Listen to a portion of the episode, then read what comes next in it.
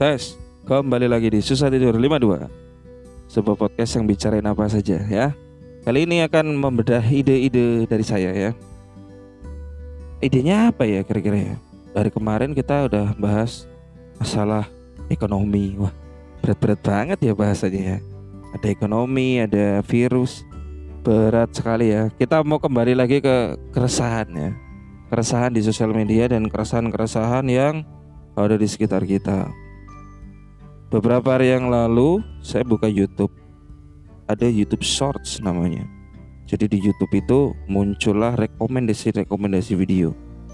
Sebelumnya juga saya dapat rekomendasi di FYP di TikTok. Ada seorang perempuan, cewek ya. Dia itu cantik, dia itu kaya banget, kaya sekali ya. Rumahnya besar, pendidikannya pasti tinggi yakin. Tapi dia itu membuat nasi padang menjadi es krim. Siapa lagi kalau bukan Siska Kohol ya. Jadi membuang-buang makanan dan juga bermain-main dengan makanan. Eh, gimana ya? Sebenarnya hal kayak gitu nggak penting ya. Sebenarnya banyak juga hal yang nggak penting yang kita lakukan sebenarnya ya.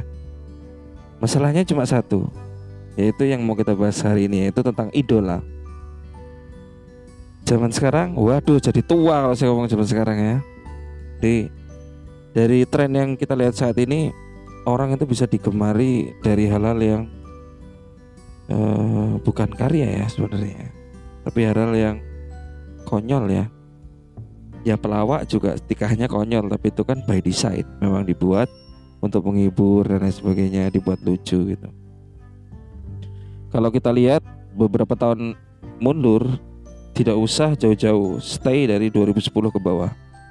Orang itu kalau ngefans kepada seseorang itu pasti ada alasan yang lemen kuat ya. Back to 90s kembali ke 90-an orang kalau ngefans itu musisi pemain film sastrawan begitu ya. Mereka ngefans karena karyanya mendengarkan Padi Dewa 19 akhirnya ngefans sama Pio ngefans sama Ahmad Dhani. Dengar Peter Pan ngefans sekali sama Ariel misalnya karena menciptakan lagu karena membuat karya. Terlepas dari kontroversi yang mereka buat, mereka pertama-tama dikenal karena apa yang mereka bisa lakukan. Ya.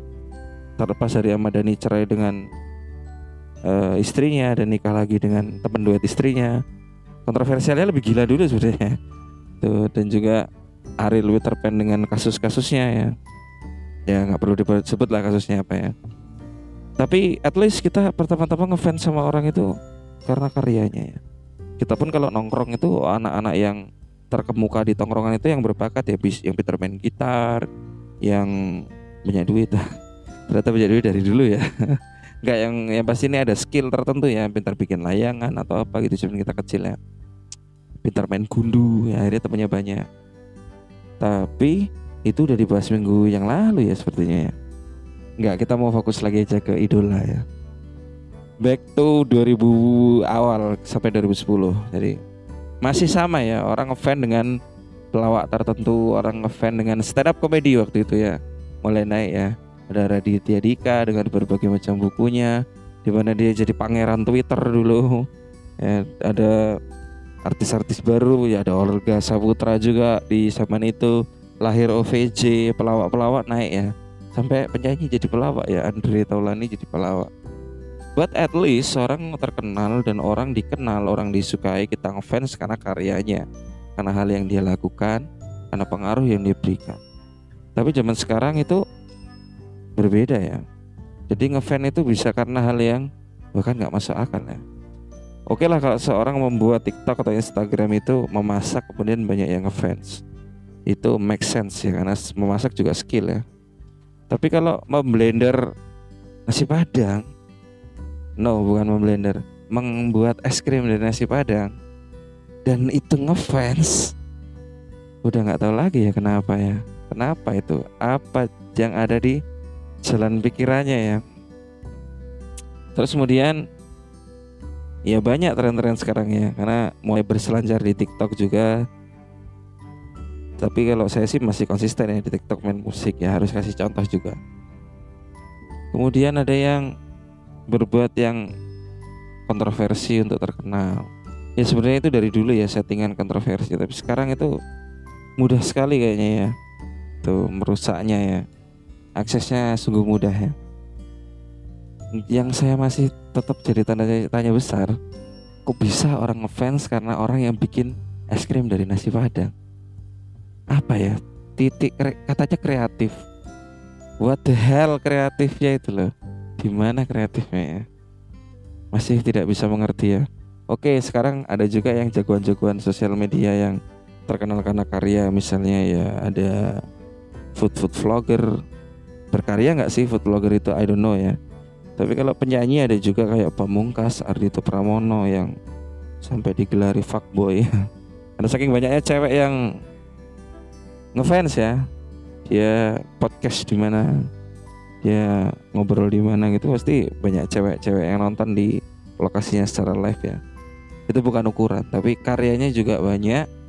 Mengeluarkan album lagu produktif ngulik berkarya. Ada juga orang-orang yang punya apa talent talenta talent ya yang kemudian bisa terekspos ya. Kayak ada orang bikin time lapse mengukir kayu time lapse memasak ya yang fan-nya bisa jutaan ya orang masak kayak Michelle Alex itu di Instagram. Followernya banyak dari dia masak kayak goreng telur atau apa.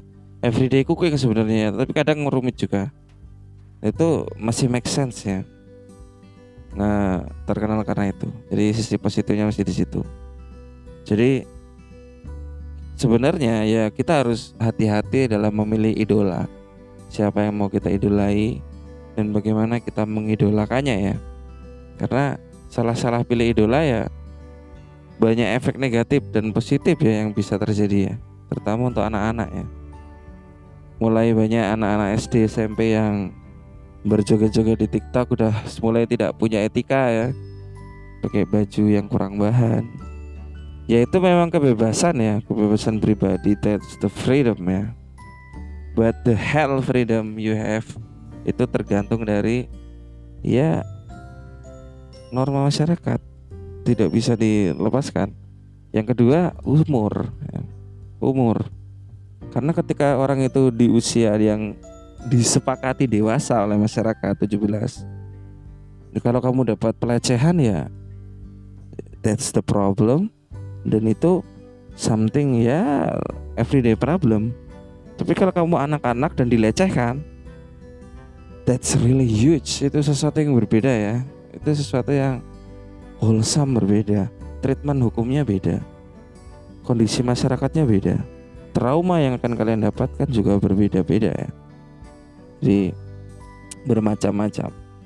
Dan masalahnya generasi sebelumnya termasuk generasi saya kebanyakan itu mereka tidak tahu dunia ini bekerja seperti apa dunia maya ini. Mereka tidak mau masuk, kalaupun mereka masuk, mereka jadi norak juga gitu. Something weird juga tidak bisa jadi role model, tidak bisa jadi pilot. I don't know why. Nah, apa generasi-generasi saya yang katanya milenial ini? Milenial itu kan sebenarnya generasi saya, umur 18 sampai 30 sebenarnya. Kalau anak-anak yang di bawah itu remaja-remaja sekarang itu sebenarnya generasi Z ya istilahnya ya. Nah, bukan milenial. Milenial itu ya kita-kita ini ya yang yang apa berumur 30 ke bawah ini ya itu. Jadi atau 30-an ya. Jadi ini adalah dunia yang dibentuk oleh generasi yang sebelumnya sebenarnya ya.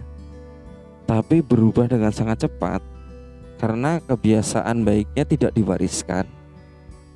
Karena kita terlalu fokus dengan hal-hal yang lain ya.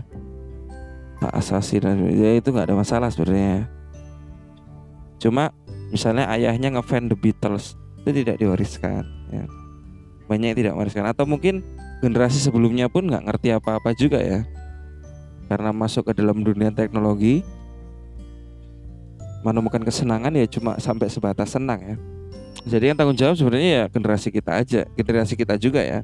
Yang milenial ya terhadap generasi Z jadi ya I don't know ya.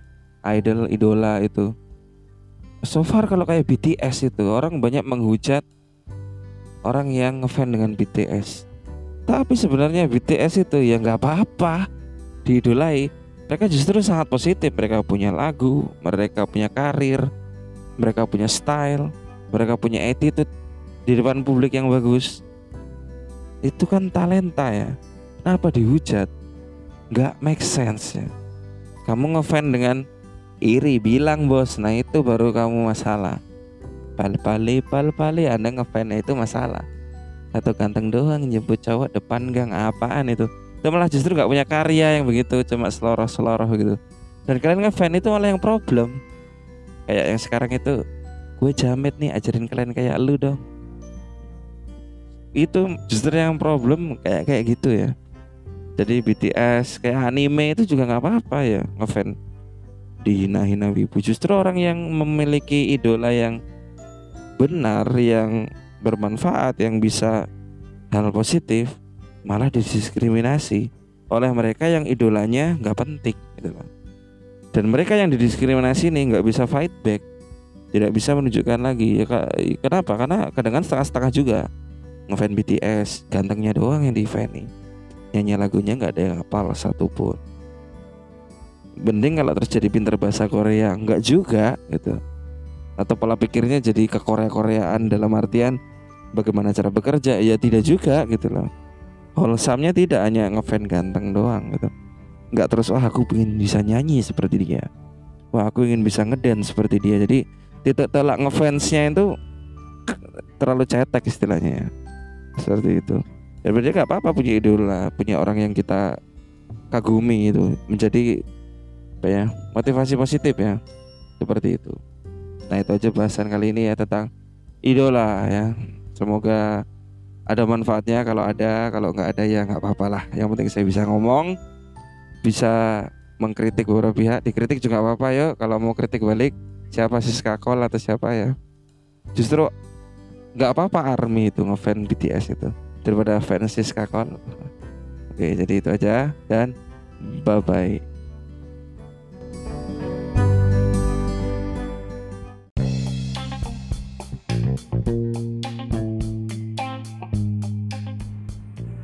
Hai, saya Wawan. Dengarkan podcast saya Susah Tidur 52 di Spotify, Anchor Radio, Breaker Radio, dan Google Podcast. Kalian juga akan bisa mendengarkan materi seni budaya dan prakarya kelas 6 dan segala macam obrolan lainnya yang walaupun random yakin itu bermanfaat ya. Jadi stay tune.